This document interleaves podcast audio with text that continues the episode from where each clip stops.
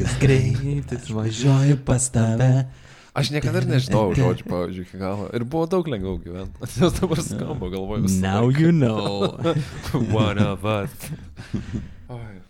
Man verta googlyt, kas ten per daina? Ne, ne. tikrai ne. O, ai, o jo jau nebeįtrauksiu. tada šitą Kančia. Žinot, ką pagalvojau vieną dieną, kaip gaila, kad uh, negali išgirsti Aivaro bicepsų. Kažkaip labai užkeliat, užkeliat ekspektacijas. Mėgstame su, suhypinti visą reikalą. No, fake it till you make it. Labas, mėlyjei mūsų klausytojai. Jūsų ausise kužda proto pemza. Tolimųjų minties reisų vairuotojai. Su jumis sveikinasi Tinderio kardinolas Saldžėlė žuvis Tomas. Čia, čia mano kryžius, kurį aš turiu nešti. Balso ir gitaros stygų virtuozas Povilas. Labas vakaras. Vyras, kurio proto tankį pranoksta nebent jo paties bicepsai Aivaras. Howdy ho. Ir aš, Vilius, jūsų raudonasis perspėjimo notifikationas ant telefono nustatymų ikonos. Jo, aš tai visiškai natūraliai, lyg iš niekur nieko paklausiu jūsų kolegos, o kaip jums atrodo, kas yra į- pats įtakingiausias Lietuvoje uh, gimęs žmogus? Ramūnas Rudokas. Aš tai metausi tarp dviejų. Bet šiaip tai nesimetau. Iš, iš pradžių galvojau, kad uh, Hannibalas Lekteris, Aš tą patį turėjau mintį. bet uh, man atrodo jį pranoksta Markas Ramius, atominio povandeninio laivo kapitonas, kuris pabėgo pas, ar bandė pabėgti pas amerikonus šaltojo karo metu, reiškia, jisgi turėjo savo laive atominės balistinės raketas ir uh, įvaidino Šonas Koneris. Tai O jo, čiagi tas filmas yra. Taip, Raudonojo spalio medžioklė. Raudonojo spalio medžioklė. Taip, filmas, kurio nemačiau be. Aš visgi už lekterį esu. Lekteris redefinino visą na, požiūrį į serijinius žudikus. Padarė U. juos herojais. Aš lieku prie Rudoko. Nu, vat, man įdomu, ar jūs taip pat galvosit pasibaigus uh, epizodai, nes va, šiandien aš siūlau uh, pasinerti tokių nepelnytai pamirštų žmonių, primirštų gal žmonių gyvenimus. Ir norėčiau, kad mes susipažintume su Lietuvos vaikais, kurie svarbus ne tik todėl, kad čia gimė, bet ir dėl milžiniškos įtakos, kuri į gerą ar į blogą tačiau pakeitė pasaulį. Tai gal prieš pradedant kalbėti apie pačius žmonės, pastebėsiu, kad šiame epizode minimi a, minimos personos pasirinktos daugmaž atsitiktinai iš tikrųjų. Jų gyvenimai ir pasiekimai pasirodė neįtikėtinai milžiniški palyginti su tuo, kiek retai jie minimi kalbant apie mūsų šalį. Visi šie influenceriai gimė ir augo Lietuvoje, tačiau pasaulį jau sudrebino iš galimybėmis turtingesnių užjūrio žemė. Podcast'e naudotus šaltinius rasite greta epizodo viename iš mūsų naudojamų kanalų, todėl knygų nevardinsiu, tik tai pastebėsiu, kad daugiausiai informacijos ieškojau aptariamų asmenybių memoaruose arba jų gyvenimus ir jų detalės aprašiusiuose veikaluose. Judam pirmin. Branduolinis laiškanešys. Pirmasis tarptautinis proto pemzos influenceris gimė 1893 metais Raseiniuose. Oficialioje jo biografijoje anglų kalba rašoma, kad Lietuvoje gimęs berniukas buvo pavadintas Šumerio Sakso vardu.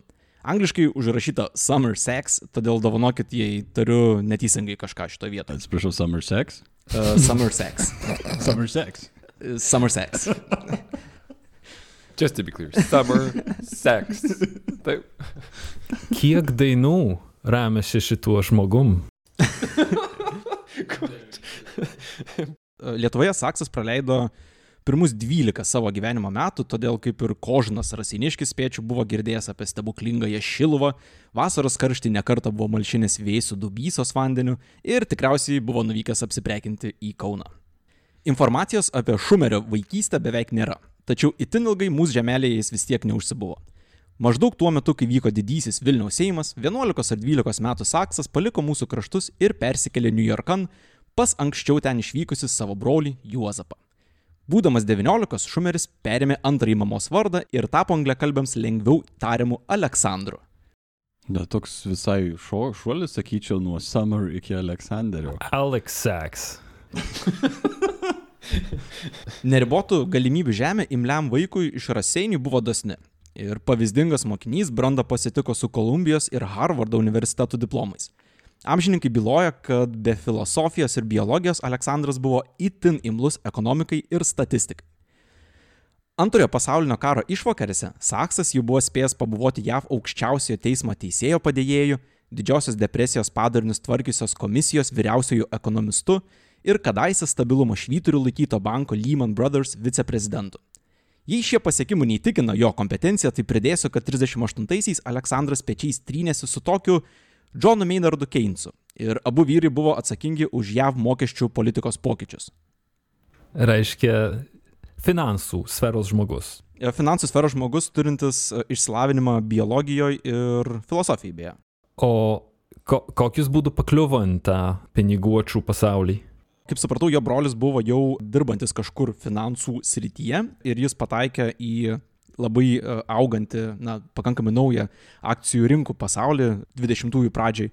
Ir po truputį įstinė tiesiog investicinius visokius fondus ir ten savo kompetencijos dėka kilo, kol pakilo ten, kur, na, kur buvo. Na ir turbūt tuo pačiu metu suvokė, kad negali pasistatyti taip gyvenimu, kaip, pavyzdžiui, Barry White'as, kuris iki šiol yra laikomas ypač didelę įtaką gimstamumui JAV padariusiu atlikėjų. Kadangi Summer jau yra dingęs, atsiradęs Alexander, jam teko reorientuoti savo karjerą. Tai yra ir įkvėpimo šaltinis iš kitos pusės turbūt, kad niekada nevėlu. Harvardo Hebriuko kompanija, Lehman Brothers, pinigų kapšas ir sėkminga patirtis kovojant su krizės padariniais rasiniškiai buvo sukrovę nemažą įtakos kraitį. Tokį nemenka, kad Aleksandras galėjo viens ant vieno vakarieniauti su tokiais žmonėmis kaip JAV prezidentas Franklinas Delano Rooseveltas arba tiesiog FDR. Oficialių pareigų JAV prezidento administracijoje Saksas neužėmė, tačiau visat buvo šalia. FDR pašonė įstrynėsi nuo pat 33-ųjų, kuomet rašė prezidentui kalbas ekonominėmis temomis. O amerikiečių spaudoje buvo jakaujama, kad Rooseveltas laiko neturi niekam išskyrus Saksui, raseinių vaikui. Sakai vėliau, neturėjo laiko niekam daugiau kaip tik saksui, ne? Tu esi visiškai teisus, Tomai. Labai užsiemė žmogus. Net žmonai neturėjo tiek daug laiko, kiek Saksai turėjo. Perfrazuojant klasikus, 39 metais pasaulis buvo ant bedugnės krašto. Azija jau kelis metus skendėjo tekančios Saulės imperijos liepsnose, o senajame žemynė sparnus kėlė nacijų erelis. Tuo pat metu fizikai abipus Atlanto suprato ir įrodė, kokią galę savyje slepia atomas - brėško svilinanti atominės bombos aušra. Nors JAV lyderystė dėl atominės bombos šiuo metu atrodo savaime suprantama, istorijos vingių išprogramuoti nebuvo. Pasaulį drebinančio akademiko atradimo laukia ilgas kelias per politinės administracijos kaklą. Kelias, kurį puikiai išmanė Aleksandras iš Raseinių. Likus porai mėnesių iki Wehrmachto žygių į Varšuvą, mūsų herojus susitiko su JAV gyvenančiu vengrų fiziku Leo Schillardu. Šis kelis mėnesius ieškojo greitesnio kelio iki Roosevelto ausų ir vieno austro ekonomisto buvo paprotintas pagalbos kreiptis būtent į Saksą. Atrodo, sudėtingi laikai automatiškai kuria progas kažkokiem dideliem žygdarbiam arba e, lūžo momentam. E, Kuo daugiau e, kataklizmų, tuo daugiau laiko, tuo daugiau galimybių langų tikriausiai, ne? Mm. Susitikimo metu Šilardas Aleksandrui papasakojo apie atominės bombos potencialą. Ko gero svarbiausia vengro mintis buvo ta, kad esminės priežasties, kodėl pirmasis bombos negalėtų pasigaminti Hitleris, nėra. Todėl reikia veikti pirmiems. Aleksandras šitai minčiai neprieštaravo per daug. Tačiau jam teko užduotis Rooseveltui perduoti laišką, kuriame slėpėsi žinia apie atominės bombos potencialą. Jis sutiko ir žinodamas, kokias FDR knopkes reikia maigyti, pasiūlė gauti žinomesnio žmogaus paramą. Pavyzdžiui, Einšteino, kurio perspėjimų ignoruoti negalėtų net ir JAV vadovas. Taip Sakso darbo kabinete gimė žymusis Einšteino Šilardo laiško juodraštis - raktas į žmonijos istoriją pakeitusi Manhattano projektą. Jei reikėtų išsirinkti esminę laišką eilutę, tai būtų ši. Šis atradimas leis sukurti neįtikėtinai galingas naujo tipo bombas. Vienos tokios bombos pakaktų sunaikinti visam jūrų uostui ir jį supančiai teritorijai. Tačiau sukurti laišką tai buvo, na, pirmasis žingsnis.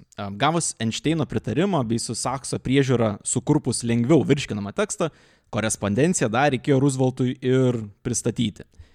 Nors fizikų laiškas Aleksandro Stalčio gulėjo jau nuo rūpiučio vidurio, progos pasisvečiuoti Baltosiuose rūmose jis sulaukė tik spalio mėnesį. Dviguba Lenkijos okupacija ir oficiali antrojo pasaulinio karo pradžia šiek tiek susiaurino Roosevelto darbo tvarkę. Viename šaltinėje teko skaityti, kad Šilardas buvo pamanęs, kad Saksas nusprendė nebesimti šito projekto ir sugalvojo kreiptis į tokį Charlesą Lindbergą, šūkio Make America Great Again autorių, kurio Rooseveltas nekentė. Galima nuspėti, koks likimas būtų ištikęs Šilardo na, laišką ir Einšteino laišką, jei į Baltuosius rūmus jį būtų nešęs Lindbergas. Bet tai Lindbergas palauk, jisai buvo nacis, ar ne? Kiek žinau, jeigu atmintis neapgauna, tai buvo lyg ir protekcionistas, ne? Jis buvo prieš jo, prieš Aš- įsitraukimą. Aš kažkur skaičiau, kad jis fašistas toks gan ir aršus. Nu, bet ne veltui turbūt Make America Great Again. O kokias e, pareigas Lindbergas už, užėmė? Kaip e, rašė šaltinį, dėl ko pamanė būtent Lindbergą kreiptis, tai dėl to, kad na, jis buvo žinomas žmogus ir žinomo žmogaus svoris galėtų padėti įkalbėti Rooseveltą. Kitaip tariant, atrodo, kad visi tiesiog norėjo gero influencerio, kuris na, būtų pakankamai žinomas ir Rooseveltas turėtų kreipti dėmesį tiesiog į...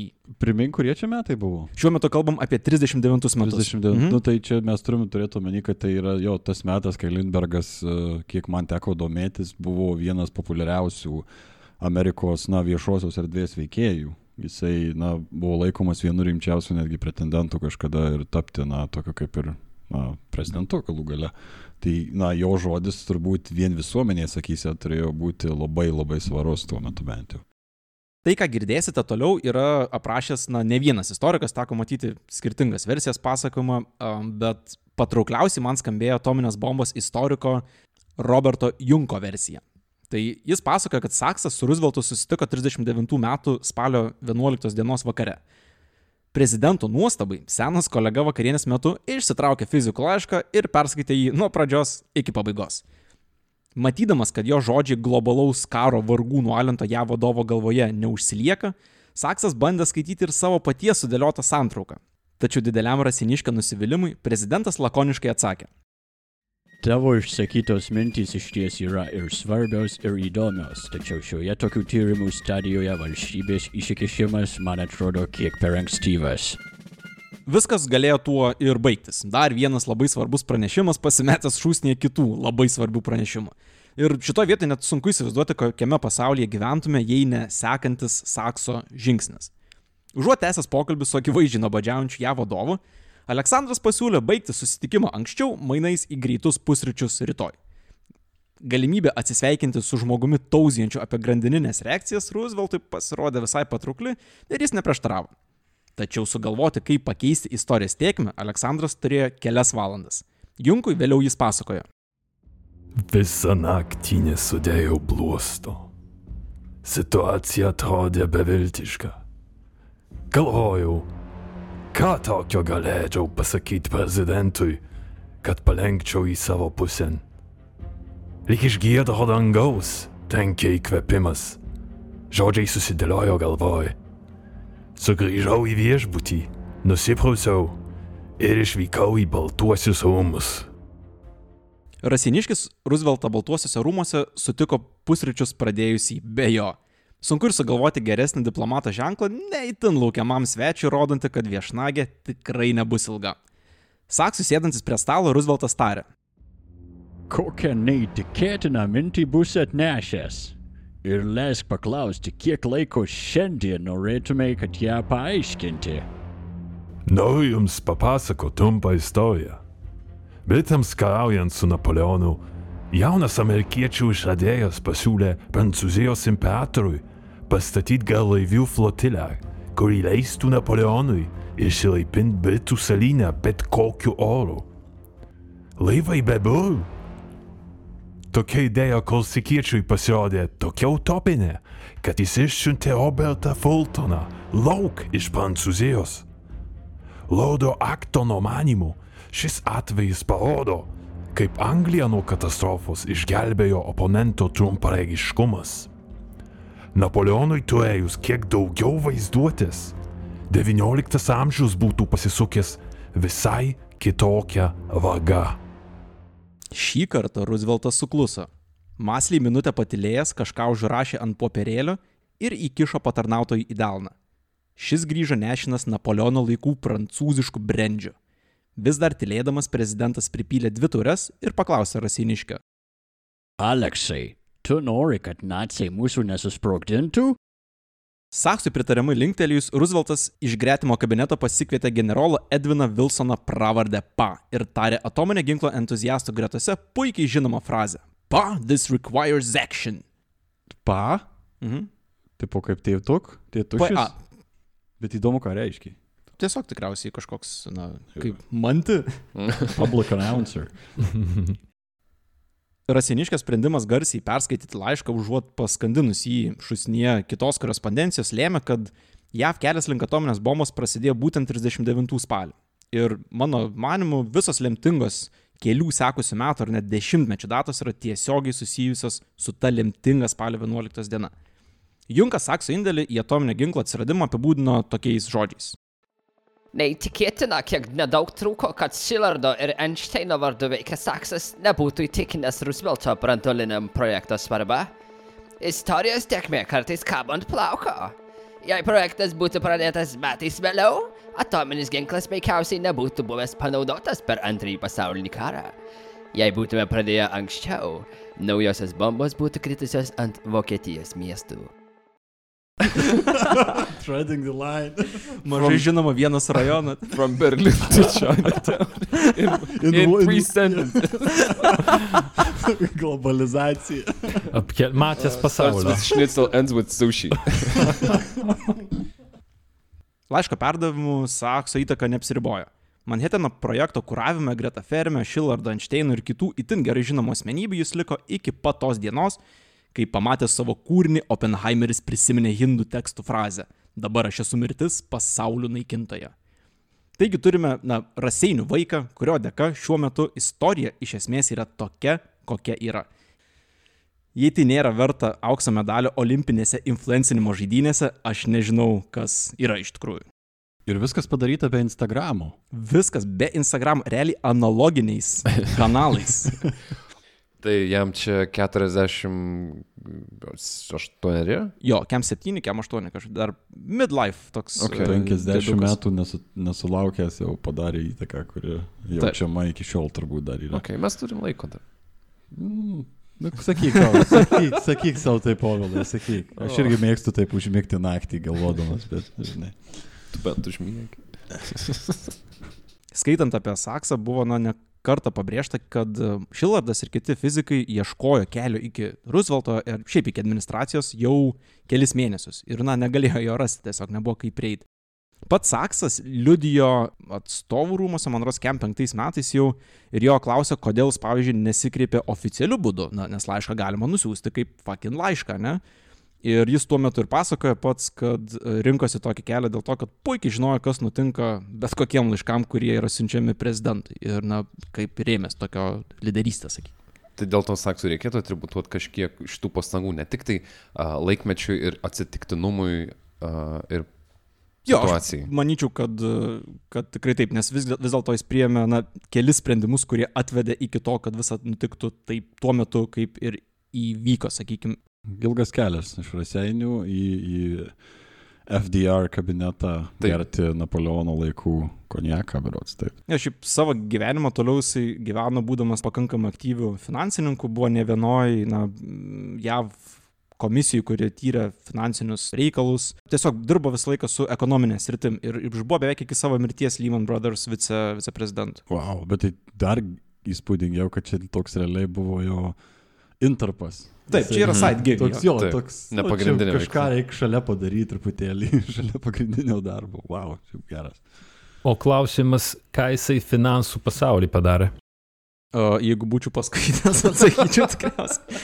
Na, jeigu Lehman Brothers bankė dirbo, tai nu, mes suprantam, galų gale prisidėjo prie to paties banko augimo. Nu, čia gali pažiūrėti, ar, ar tai yra pasiekimas finansų pasaulyje ir nebet pa, prisidėti prie vieno, vienos didžiausių finansinių korporacijų augimo, stiprėjimo. Na, aišku, paskutiniai jų jėgim, kaip suprantu, kai baigėsi, taip jau baigėsi, bet, bet na, manau, visai yra didelis pasiekimas.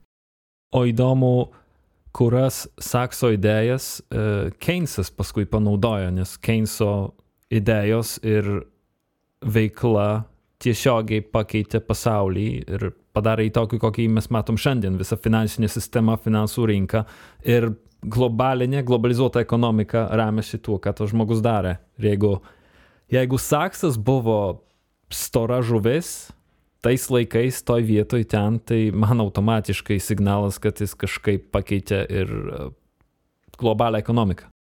Jei Aleksandras savo įtaką pasinaudojo pakreipti pasaulio istoriją į gerą ar į blogą, aš nežinau, tačiau pakreipti, tai antroji mūsų influencerė savo įtaką panaudojo geriausiu atveju protui sudrumsti. Žalieji žmogeliukai. Tikriausiai kiekvienas mūsų filme ar seriale esame matę sceną, kuomet veikėjas taiga nusprendžia gyventi sveikai, meta alkoholį, narkotikus, kavą, seksą, viską. Neretai pašiepiant tokį sprendimą jau kitame kadre matome tą patį veikėją talpoje nešina tirštu žalios spalvos gėrimu. Dažniausiai kviečių želmenų sultis. Būtent. Tai už šį laikui nepavaldų sketšą ir taip vadinamą raw foodizmą, ponės ir ponai, galime būti dėkingi mūsų Lietuvos dukrai Onai Varapitskaitai. Pirmą kartą girdžiu raw foodism. Labai geras klausimas, Tomai. E, Pats raw foodizmas na, yra tokia, tokia e, idėja, kuri na, skatina nevirti maisto, pavyzdžiui, e, valgyti na, natūralų, na, viskas turi būti natūralu kaip nuo žemės, sakykime. Ar tinka terminas žaliavalgystė? Manyčiau, kad taip, bet pats kiek skaičiau, skaičiau tikrai ne tiek daug, kiek norėčiau, bet, na, e, yra kel, keli laipteliai visame šitame. Tai viena yra, na, prisižiūrėti savo mytybą, valgyti daugiau daržovių ir, na, tiesiog sveikai maitintis, o visai kas kita yra, na, jau eiti į žaliavalgystę hardcore, kur tu valgai geri. Sp- Kur jau spalva apsprendžia tavo valgymą. Realiai taip, realiai taip. Kuo žaliau, tuo sveikiau. Kuo sveikiau, supratau. Nevalgai nieko, kas meta šešėlį. Taip. 1909 metais gimusios Onos gyvenimas, anot pačios Onos, buvo tragiškai įspūdingas. Jei nors dalis Onos gyvenimo buvo tokia sunki, kokį ji jį pateikia, tebūnie tai jos kerštas atšiauriam pasauliui ir žiauriai Lietuvos žemiai. Plykių kaime gimusi mergaitė pasaulį išvydo ligota. Gal tai būtų menka problema, į 20-ojo amžiaus pradžios Lietuvos kaime žmonės būtų turėję tikrų medikų. Tačiau laiko dvasia mergaitės nepagilėjo. Į šaltą vandenį mest ir pasveiks. Arba labai karštą. Ant trejų sveika Marijų. Jo. Onos tėvai dar iki jai gimstant buvo susiplanavę vieną kryptę kelionę į Ameriką. Kelionę, kuri paliegusiam vaikui būtų neįveikiama. Todėl atsakingi tėvai mergaitę paliko pribuvėjai Emilijai Marijai Repšieniai, kurią Ona vadino močiute. O, jau. Gera pradžia gyvenimo. Ir patys iškeliavo į Ameriką? Jep. Pastebėčiau gal tik tai, kad jie ne tik, kad išvažiavo į Ameriką, bet ir, na, ne, jokių finansinių perlaidų atgal ne, nepervedinėjo. Tiesiog paliko ją, na, random žmogui iš dalies. Matyt, nesitikėjau, kad išgyvens iki kol jie davažiuos iki Panašu. Amerikos. Varapetskaitė rašė, kad viena vertus, na, tėvai Amerikoje buvo tarsi galimybė pabėgti iš lietuviško skurdo, kas, na, visai tikriausiai smagu. Tačiau kaimynų plėtkai apie jos nekenčiantį tėvą verta susimastyti, kad Žemaitijoje Ona įkalina ne tik įgimtai prasta sveikata. Įsivaizduoju, kiek savo dukros nekenti, kad išsikraustai į Ameriką, kažkur, kur autobusų nepasiektų. Mm. Jo, ir net, net norint iškeliauti į Ameriką, Onai reikėjo, na, pinigų. Ir jei tiksliau, tai yra 30 auksinių dolerių. Ir pati Ona rašė, kad tokia suma prilygo atlyginimui, kurį ūkija būtų galima uždirbti per 12 metų. O. Kaip Disnėjaus pasaka, tik nelaimingas. Kiek jie buvo metų, kai jie išvažiavo? Kadangi ji pakankamai vengia minėti datas, labai sunku pasakyti tiksliai, bet ji gimė 1909, o tėvai išvažiavo dar iki pirmojo pasaulinio karo. Tai jai buvo kažkur tarp iki, Penkių, iki šešių. penkių, ta prasme, iki Tai gerai, laiko. sulaukė pilnametystės, nuo tų 5-6 gali 12 metų, sulaukė pilnametystės ir gali važiuoti. Parodo atsakingumą savo. Teisingai. O čia auklėjimo metodas gali būti irgi savo. Įdomu, jinai, pavyzdžiui, rašydama apie tą pinigų sumą, rašė, kad norėjau kuo greičiau ją susirinkti. 30 auksinių. Tai čia net vieno Jėzaus išduot neužtektų. Jo, pakankamai nedidelė suma, kaip pagalvojai, ne? Šiaip, e, jeigu įdomus infliacijos skaičiuotuvu paverčiu, kiek tai būtų dabartiniais doleriais, ne, tie 30 dolerių tais metais, tai gavosi stebėtinai milžiniška 805 dolerių suma. O ar sumą nustatė tėvas, kuris jos nemėgo? Ona pati tiesiog minėjo, kad tiek kainavo biletas į, į uh, kitą Atlanto pusę. Tėvas meta viską, kad jinai tik tai net važiuotų. Kiek auksinių? A, kiek čia neįmanoma surinkti? 30. Gerai. O kam iš viso važiuoti iš Lietuvos, galite paklausti. Tai leiskite jums atsakys pati Ona. 19-16, kai man buvo maždaug septyneri, vis dar galėjau dirbti rugių laukuose. Nors didysis karas mūsų kaimelio dar nebuvo pavertęs vieną didelę kančios jūrą, netgi tada laukuose trainiodavosi marodierių gaujos, sėjusios siaubą artėjant ir palikdavusios dykynės po savęs. Onos istorijas apie kareivių grobiamas ir prievartaujamas paauglės, krūvinas karo žaizdas ir viską lydinčius kvapus, kuriems ji skyrė šiek tiek laiko, aš paliksiu jūsų pačių vaizduoti, nes gali būti šiek tiek per daug grafiška visą šitai. Čia turiu omeny su karu susijusių kvapų. Sus, taip, Su su, karu, leidiniu. žaizdom, gangrenom ir visais Okay. kitais, e, na, džiaugsmais. Sodri kvapų paletė. Sodri Lietuvos žemaitijos laukų Žemaitį, kvapų atsiprašau. paletė. Kaip įdomu, kaip ją formuoja baisus dalykai matyti, bet jinai pasirenka vat, būti opozicionierė normalios medicinos. Tai įtaka į gerą pusę, bet vat, Šiek tiek pro, pro šoną. o nu tai gero būtų.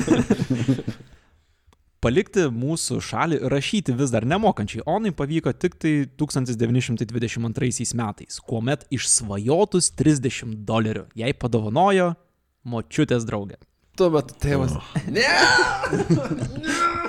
Kam čia reikia dabar? Tegu gyvena ten. Bet man vis laiką atrodo, iškeliavo į Ameriką, kuo toliau nuo dukros, tada 30 auksinių, kad tikrai net keliautų, bet paskui vis tiek surinko tos pinigus. O ką jeigu tėvas ir pasiūlė, kad jo, jo, pamatyk su virbuliam čia pagydyti kaimynę. Tai, kai- kad užsiminė apie tėvą, tai vat, e, su tais 30 dolerių Ona įveikė Atlantą pasibaisėtinom sąlygom beje ir tenai susitiko su maždaug 10 metų nematytais tėvais, kurie pasirodo buvo prakutę kepyklos savininkai Middleboro miestelėje netoli Bostono. O, Atsimenat e, iš, e, iš The Office tą vietą, kai Dwightas žiūri į kažkokią kitą moterį ir šneka su ja, o ta jo vaiko nešiotoja atsiranda šalia jo ir taip, fuck! Tai tai aš taip įsivaizduoju tą tėvą, mato savo vaiką. Ne tai, kad nemačiau tavęs seniai, bet... Fuck! man atrodo, tiesiog puolė ant kelių melstis, nes galvoju, kad vaiduoklis. ne, taip neturėjo būti. Užgesink šviesas kepykloje, gal nueis.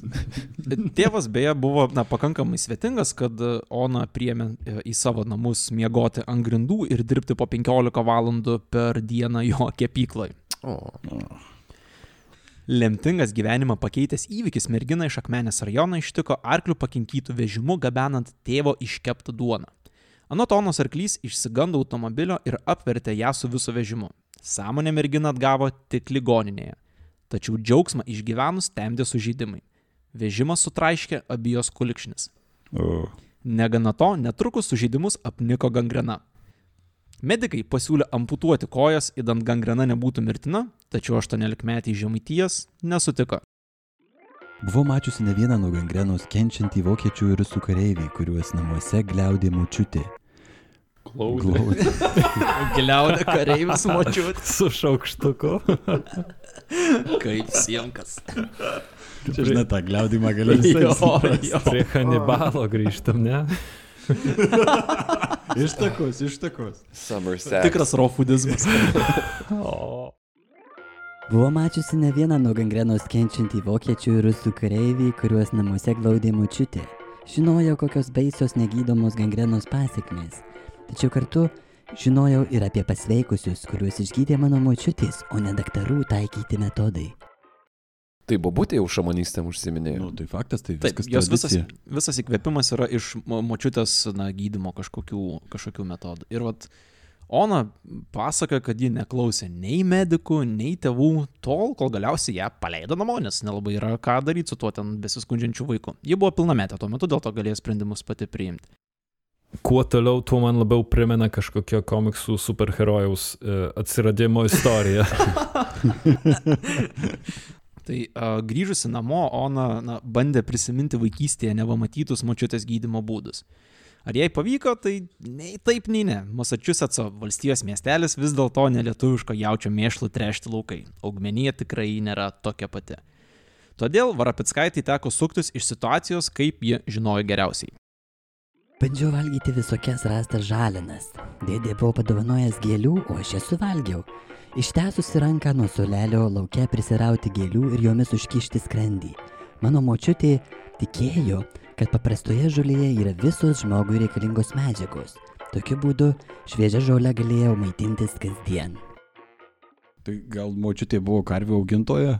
Kaip supratau, močiutė tiesiog augo kaime, kur vieninteliai vaistai buvo tai, kas auga šalia. Ir, na, Ona, matomai, iš vaikystės tą labai išsisaugojo savo galvoje. Ir... O ar yra duomenų, kad senelis valgė smėlį? Lietuviška, lietuviškas tradicinis maistas. Garnyras. Čia man Šiaurės Koreja kokia kvepia, kur Visiškai.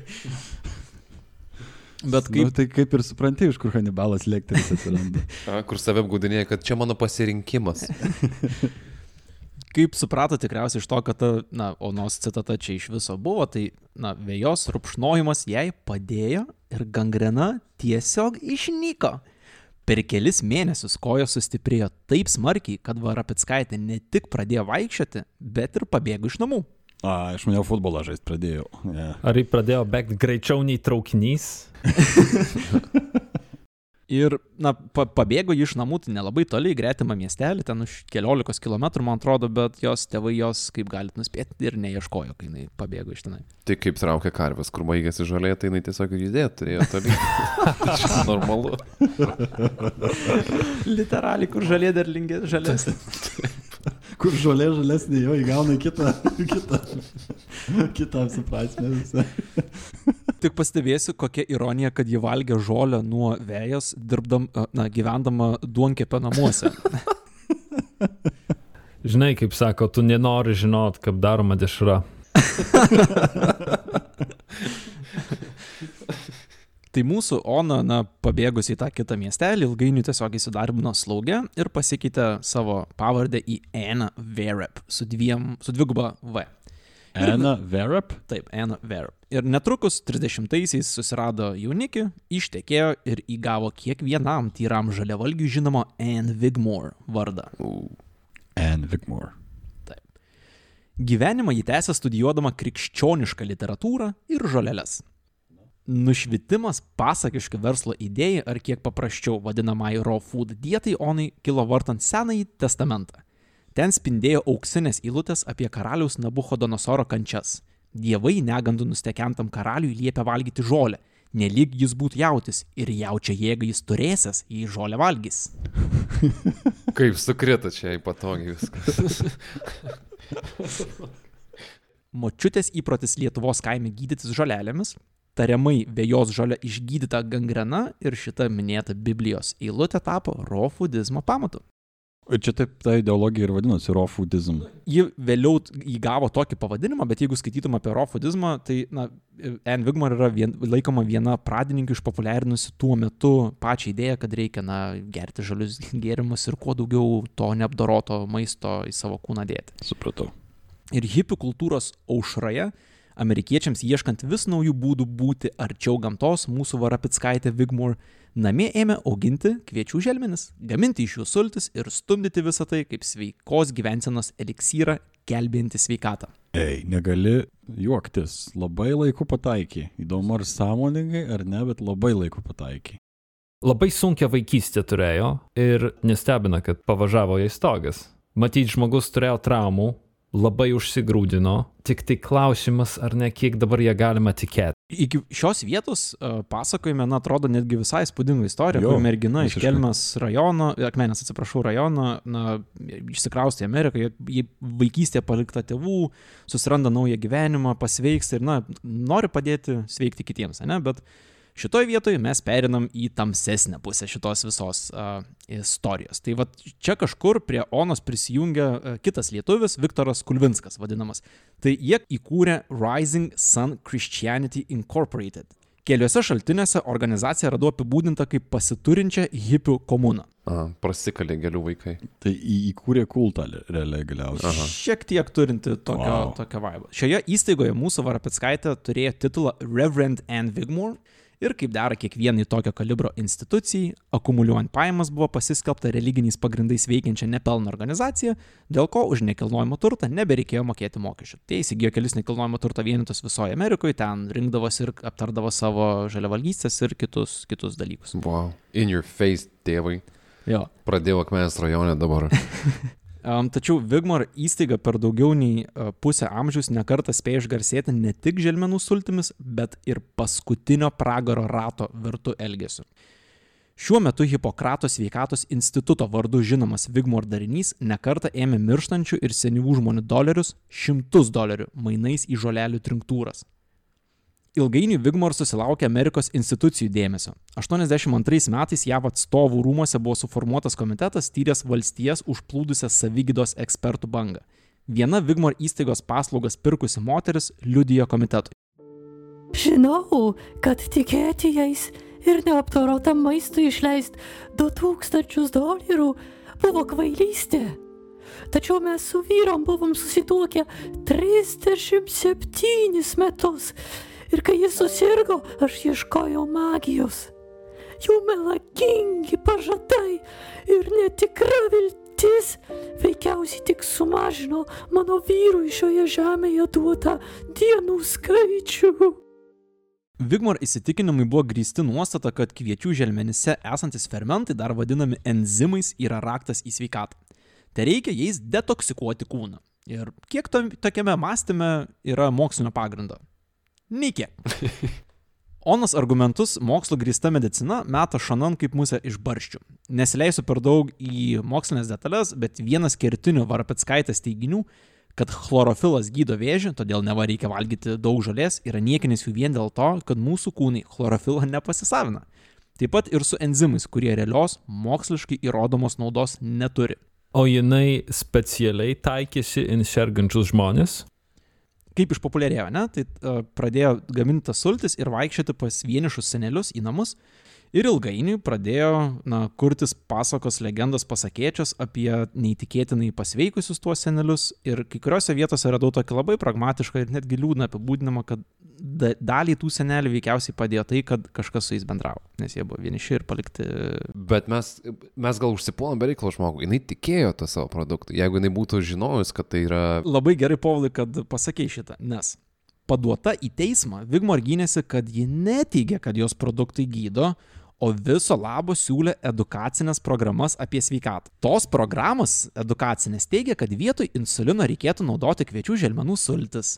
Arba kad AIDS galima pagydyti ne ligoninėje, o jos pagamintų enzimų gėrimų. O, Uh, mane netaip suprato. Negana to teisme paaiškėjo, kad mūsų Varapitskaitė buvo apsimelavusi, kad turi akredituotų institucijų sutiktą kvalifikaciją gydyti.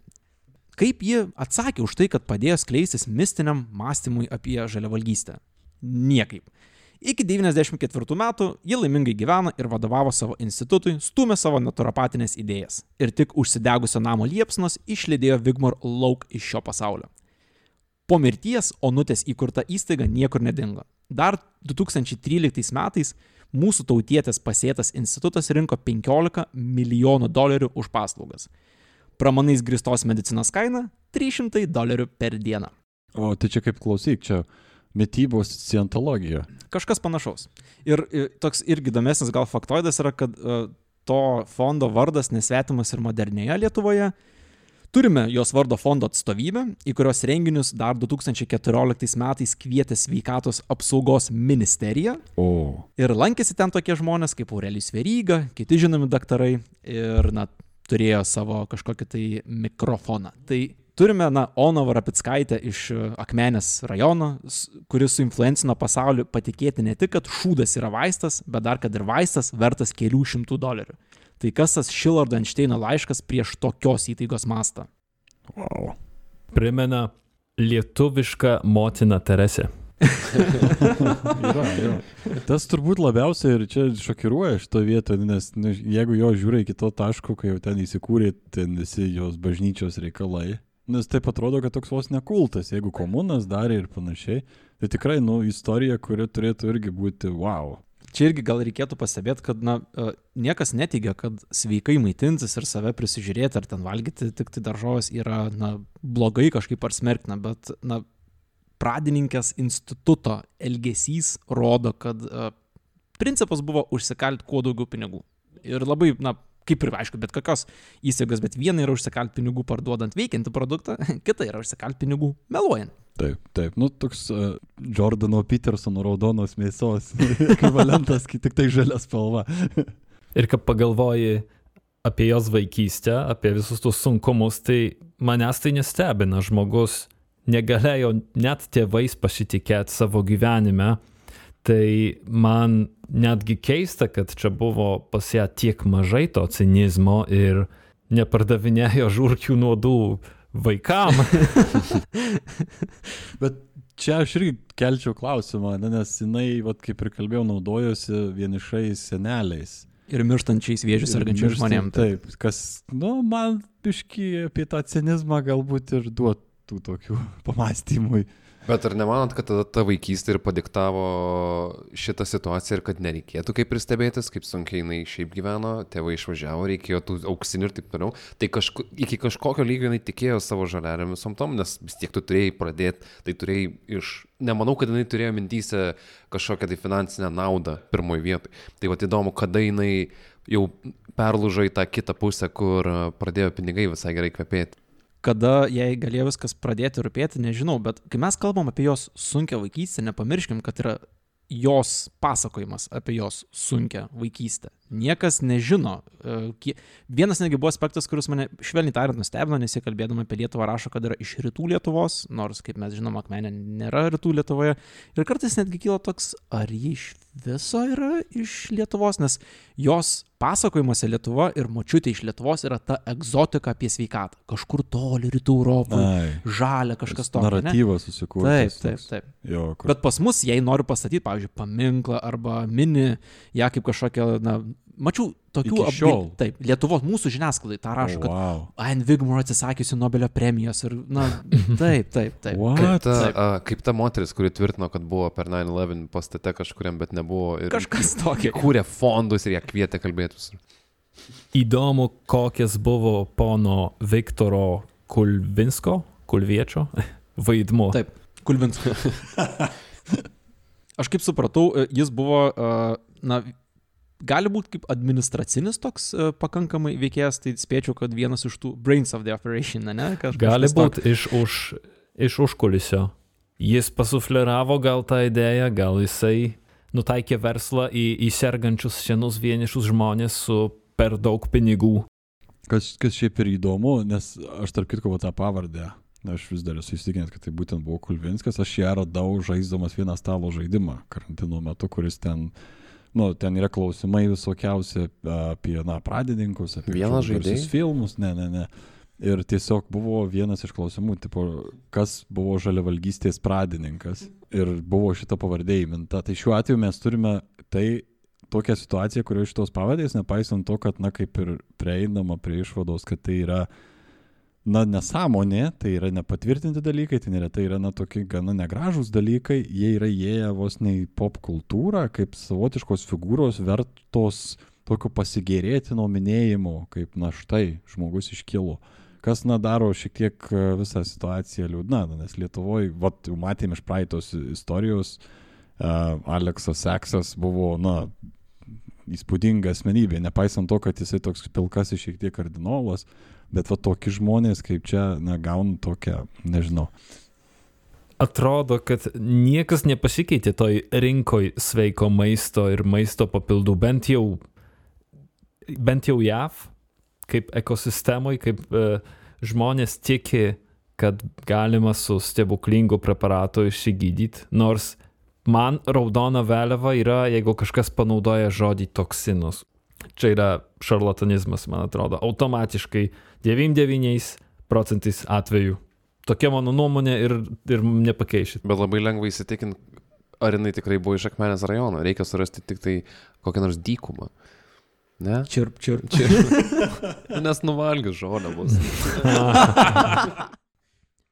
Jei pirmieji du mūsų herojai savo įtaką panaudojo reiškiniams, dėl kurių naudos žmonijai sunku sutarti, paskutinysis šiandienos influenceris veikiausiai išgelbėjo dešimtis, jei ne šimtus milijonų gyvybių. Virpanti širdis. Galėtum stotelės įgarsinti. Būtų geras, jau garsinam. Kita čiurlionio stotelė. Dar pusiau tų tonų moters. Čiurlionio stotelė. Svarbiausia teisingai sukirčiuoti. Trakų stotelė. Gerbiami keliaiviai. Paruoškite bilietus. Aukštaitijos sostinėje jis praleido 14 savo gyvenimo metų. Todėl esu visiškai tikras, kad spėjo Dauniškio ežere paskandinti ne vieną akmenį ir tikriausiai buvo palipėjęs pasidaryti į vaizdus atsiveriančius nuo vestuvių kalno. Kalbu apie 1921 metais Utenoje gimusi Boruchą Lacą. 35-aisiais Lacas su šeima patraukė į drąsių ir laisvųjų žemę kitapus Atlanto. Kad amerikonams nereikėtų laužyti liežuvio bandant ištarti kalbos darinius kaip H ar C, jis tapo Bernard Laun. Sprendimas palikti Marijos žemę pasirodė buvęs teisingas. Visą Lietuvoje likusią Laco šeimą ištiko kraupi lemtis, kuomet 5700 hebrajų kalendoriaus metais Lietuvos žemė mindė krūvinas Hugo Boss kerzas. Laco artimųjų, senelio širvintų rabino, tėtų, dėdžių ir pusbrolių gyvybės buvo pavoktos sinagogos liepsnuose. Legenda sako, kad žiaurios bausmės priežastis buvusi senelio valia nesakyti nacius šlovinančio pamokslo Dievo namuose. Lietuvoje buvo auginamas istorijomis apie rusų pogromus, kuomet girti kazokai plėšė, prievartavo ir siautėjo, po savęs palikdavime jūrą sielvarto ir siaubo. Man pačiam tiesiogiai teko matyti diskriminacijos pasiekmes. Mane, dar mažą berniuką, iki sąmonės netekimo primušė, nes priešinausi antisemitinėms nuostatoms. O vėliau teko gyventi su neįsivaizduojama našta, žinojimu, kad nacijai gyvus sudegino mano artimuosius. Kokiam amžiui jisai išvažiavo? 1935 jis išvažiavo. Tai jau buvo būdamas uh, 14. 14. Taip, taip. Oi, kaip jis taip vienas tada išvažiavo. Ir su tėvais. Su Ai, su šeima. tėvais, Taip, taip, taip, okei, okei. su šeima. Jį tėvai mylėjo. Skirtingai nei O, Jono. kitaip nei Ona, jo. Ar tai Lietuvoje patirtas antisemitizmas, ar tai visą niokojanti laikmečio dvasia, tačiau metai iš Laco sulibdė maištingos sielos vyrą. Tas maištas pasireikždavo priešiškumu JAV galiojusiams segregaciniams nuostatoms. 42 metais, Launui besimokant Johno Hopkinso universitete, jis buvo suspenduotas už tai, kad skirtingai nei reikalavo tuo mečiai kanonai, į juoduodžius pacientus kreipdavosi taip pat kaip ir į baltoodžius - ne vardu, o pavardę. A, jau tuo metu tai buvo tam tikras pagarbos ženklas, ar ne? Tai rašė, kad ligoninėse kreipdavosi į baltoodžius pavardę, o į juoduodžius vardu. Ties, o, wow. Taip, kad na, dar labiau atskirti, ne dėl... Nes priežasčių. toks nereikšmingas, kad net nenusipelnęs pavardės yra. Wow. Ir negana to, na, busimasis kardiologas drįso ignoruoti rasinį kraujo skirstimą, o tai reiškia, kad baltųjų gyvybės buvo gelbėjamos juodaodžių krauju ir atvirkščiai, kas tuo metu O, irgi buvo draudžiama. Jo, kas turbūt nepateko po to metinio mokslo Taip. kanonais. Jo beje ir buvo nuostata, kad na, moks, nėra jokio mokslinio pagrindo taip elgtis ir na, Visos širdis vienodos. Nepagarba autoritetams Launa atvedė iki pirmojo jo sukelto 20-ojo amžiaus medicinos perversmo. Kardiologas įrodė, kad infarktą patyrusiems pacientams nevalia skirti gulėjimo lovoje.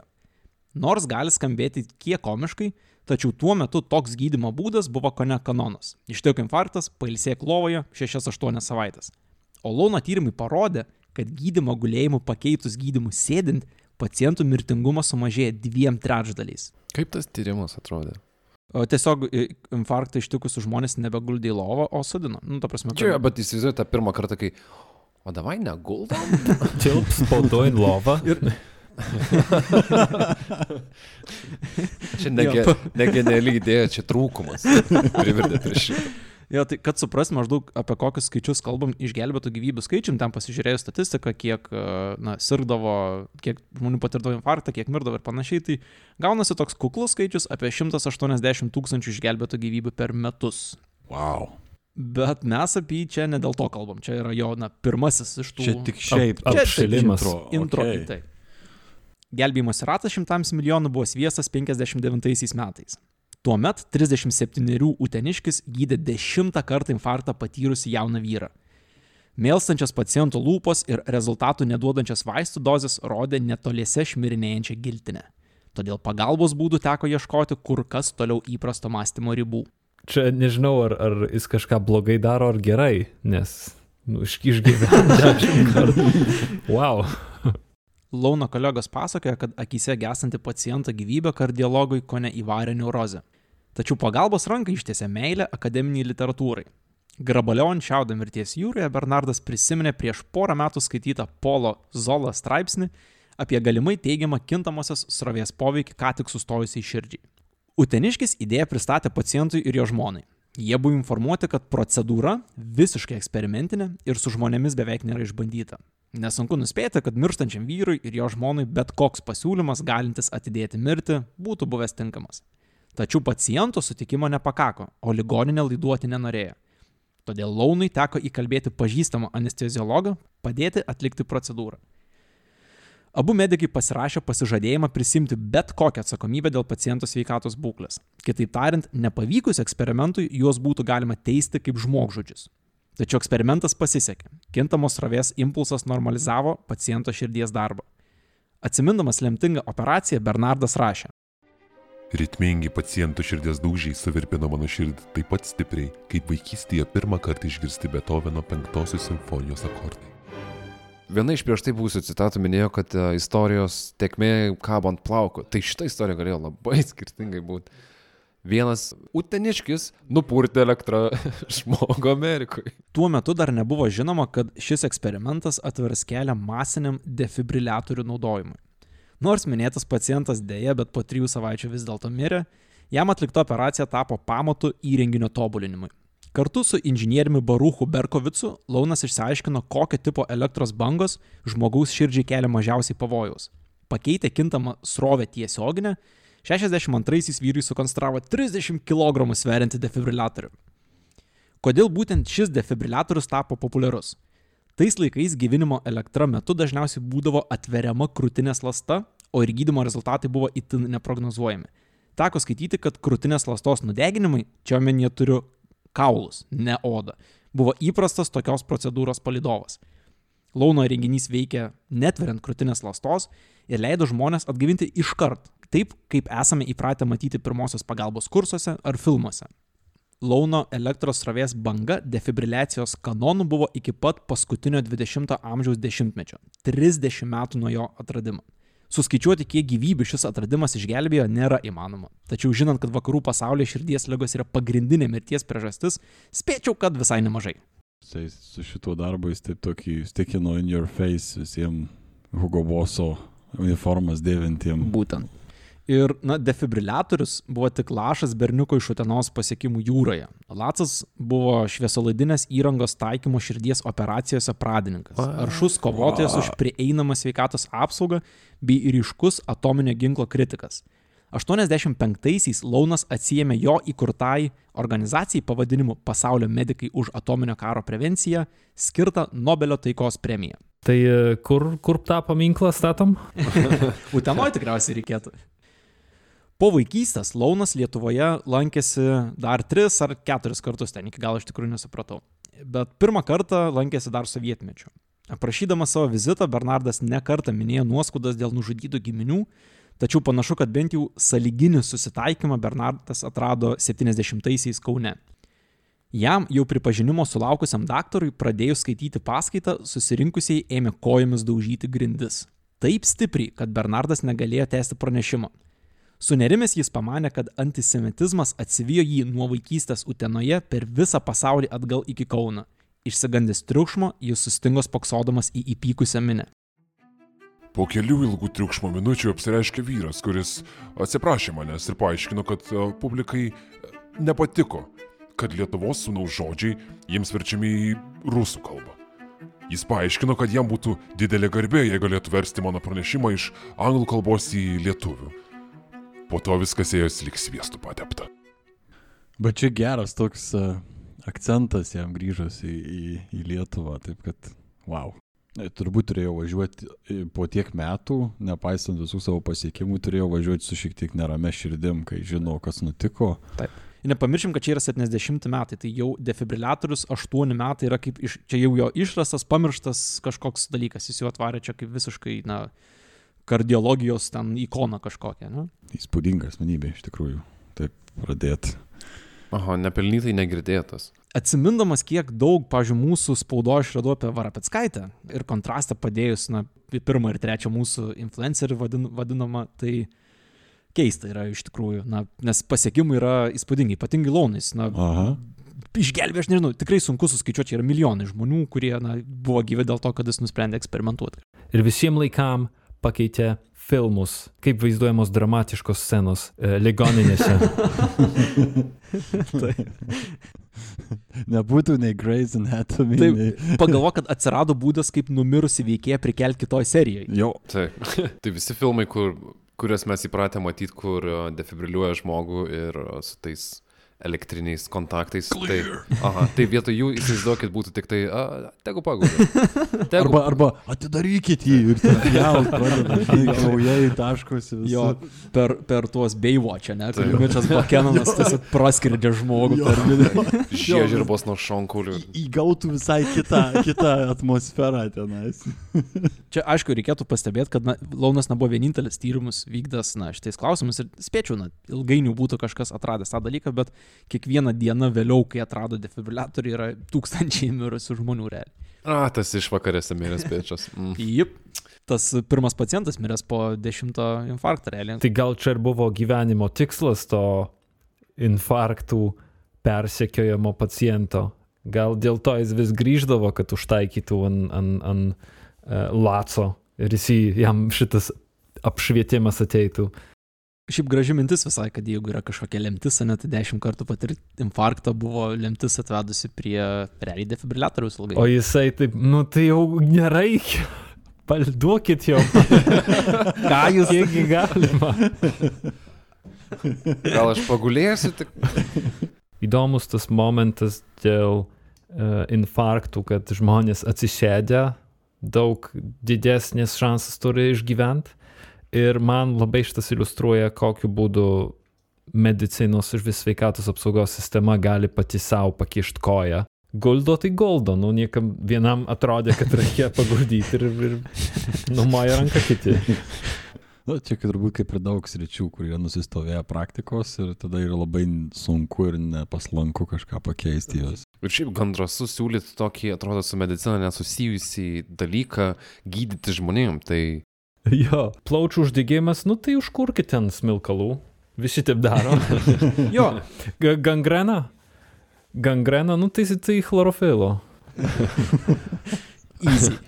Pakramtyk žolės. matot tą kiemą. Jo, nenusivalgęs pats tas e, pati ta Nuo žalia. čia iki šalia gatvė man Žolė turi prie būt, verslai jo. būtų sunku. Kol nematau akmenukų, negrįžtu.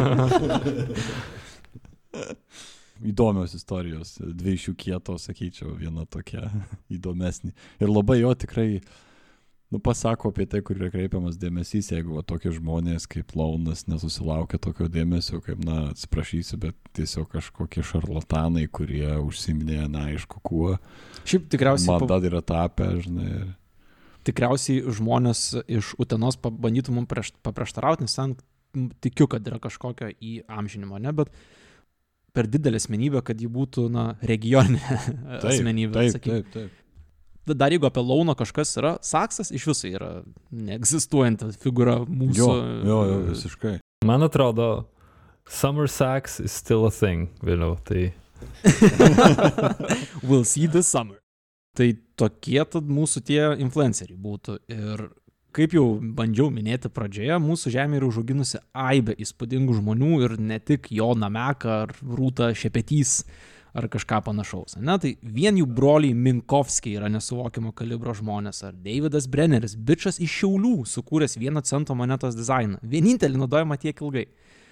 Esame labai turtingi žmonėmis ir nors mūsų nedaug, bet dažniausiai esame labai kokybiški. Tai influencerių tema tik pradėta. Stipri sėkla. krauju trešta žemė. Stiprius žmonės užaugina. Skalbimai pabaigai. Palauk, dar neišjung. Klausyk, kiekvienas subscribe ir like duoda mums signalą, kad stengiamės ne veltui. Jei patiko, pasidalyk su šeima, draugais ir žmonėm, katriem galvoji, kad gali patikti esam priblokšti teigiamo atsako ir atsidėkodami pristatom naują rubriką.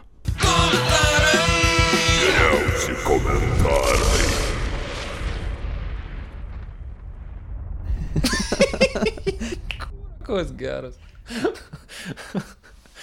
ah. Numeris 3. Išdėstytas, iškrypęs ir šlikštus Lenkų požiūris į Radvilų giminę Nenormalu, kad lietuviai krizena ir pritarė kažkokiem iškrypusios fantazijos pezalam ir šmeižikiškiem prasimanimam. Neveltui istorija vadina mokslo kiekšė. Kaip kam patogu, taip jie ir varto. Sumalta viskas į krūvą, su Radvilo našlaitėliu, pamiršta istorija su Žygimanto Augusto žygiais pas Barborą Radvilaitę. Netikiu ir jums patariu netikėti. Mindaugas iš YouTube. Prie ko čia Žygimantas Augustas? Būtent prie ko jis. Norėčiau pastebėti, kad yra prasišauta 150 metų, netgi daugiau, čia biski kitas laikotarpis, Mindaugai. Nu, tai Get tai with the rūpi? Kam tai rūpi, kai žiūri iš globalios perspektyvos į viską? Jo, Ra Radvila yra toks vienas testinis asmuo gyvenęs per visą savo giminės istoriją ir visą atributuojama viskas jam. Ir vis keitėsi rudos atspalvis.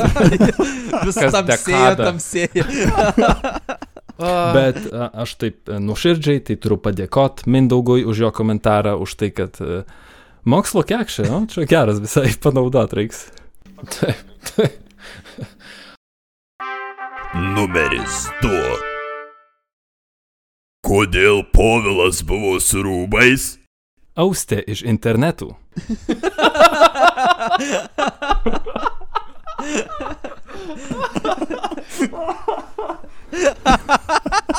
Top fonai klausė, mes atsakome. Taigi, Paulai, kodėl tu su rūbais? Taip. Na, visi darom klaidų. Klaida ištaisyta jau uh, bus. Gerai, pasidalinsime tada e, tomis pink cigarettes. Paul. Ne, mes, man atrodo, nu, kaip mes, e, yra žmonių jau siūlančių mums kurtis Patreoną, tai čia gali būti viena iš, e, kaip Faktas. sakant, atšakų. Jeigu žmonės norės matyti Povilą jo, a, kaip sakant, a, Adomo kostiume, nu, tai tada, kaip sakant, bus tam galimybių. Tavo šitas komentaras man primena tą sceną iš Tenacious D, kai tik tai vieną iš jų turi pasimti pragarą ir sodomizuoti tenai, tai mes Paulą atiduodam tą pančią. Lean Mean Wrecking Machine. Ar aš Kenis? Ne, tu the sexy one. Jeigu siūlytume kažkokią kainą už e, šitą paslaugą, tai tiesiog Patreonė nėra tokio mažo stepso. Ta prasme, mažiau negu doleris tai nėra, tai tiesiog neišės. Nes aš už dolerį turėsiu du kartus nusirengti. Mano tokia savivertė. Aš, aš tai nežinojau net, kad čia e, svarst, buvo svarstomas šitas klausimas. E, už tai, kad nebalsavom. O Tomas, man atrodo, neturi tatuiruočių, tai galėtume Patreonė už tam tikrą sumą, e, kad žmonės nuspręstų, ką jam tat- ką, ką reikia tatuiruotis. Tai. Aš pats pirmas Patreonas būčiau mūsų, tada tikriausiai jeigu būtų. Priminti tik tai yra hipotezė, kad Povilui buvo tiesiog šalta. Tai ačiū, Austai. Numeris 1. Turiu išreikšti gilų susirūpinimą dėl ypač brutalizuoto turinio. Tris kart klausiau Spotify, pasišėrinu su visom uždarom WhatsApp ir Viber grupėm, pasišėrinu onkologinių lygų skyrius registratūroje bei klasiokai LT platformoje. Taip pat palaikinu YouTube. Dėl pustričiai plus plus laidos uždarimo pasinėriau į bergždžias paieškas, alkoholizmą, muštynės baruose ir okultinį anonizmą. Slinko tamsų sausringi metai, kol pagaliau Fenikso plasnojantis sparnai palėtė proto pemzą. Įdomios humoreskos, švankus komentarai ir išnarplėtos temos negali neprikausyti prie ausinių ir pasijusti šiek tiek nepatogiai verkiant prie darbo ekrano. Algis iš Lasdynų. Puikiai. Puikiai, mes to ir siekiam kiekvieno epizodo iš tiesų. Norėčiau savo akimis pamatyti, kas yra okultinis anonizmas. Iš tikrųjų. Mėginai Google. Jeigu turi Patreoną. OnlyFans, man atrodo, čia tik tai. Algi, neverk, viskas bus gerai. Ir ačiū, kad šėrinė. Jo, ir Nesvarbu, daugiau kokia registratūra ir koks uh, portalas. Jo, teisingai, pirmoji mūsų reakcija turėtų būti ačiū, Algi Kačerinė. Taip, ir Visur, kur gali ir... Make klasiokai LT great again. Užmiršta platforma. Niekad nežinai, ką gali sužvejot, ne? Gal dar kas yra. Puikus komentarai. Dėkui, super. Taip. tokiu atveju labai ačiū, kas klausėte ir tikimės, kad klausysite ir, ir toliau. A, Ką jums pasiūlysime kitą kartą mes nežinome, bet jūs sužinosite pamatę mūsų Facebook'e. Tai sekit, likinkit, sharingit, pasakokit. Subscribinkit. Subscribinkit, pasakokit draugam ir klausykit, mums smagu, kad jūs klausot. Mums mum patinka ta įtaka, kurią mes darom.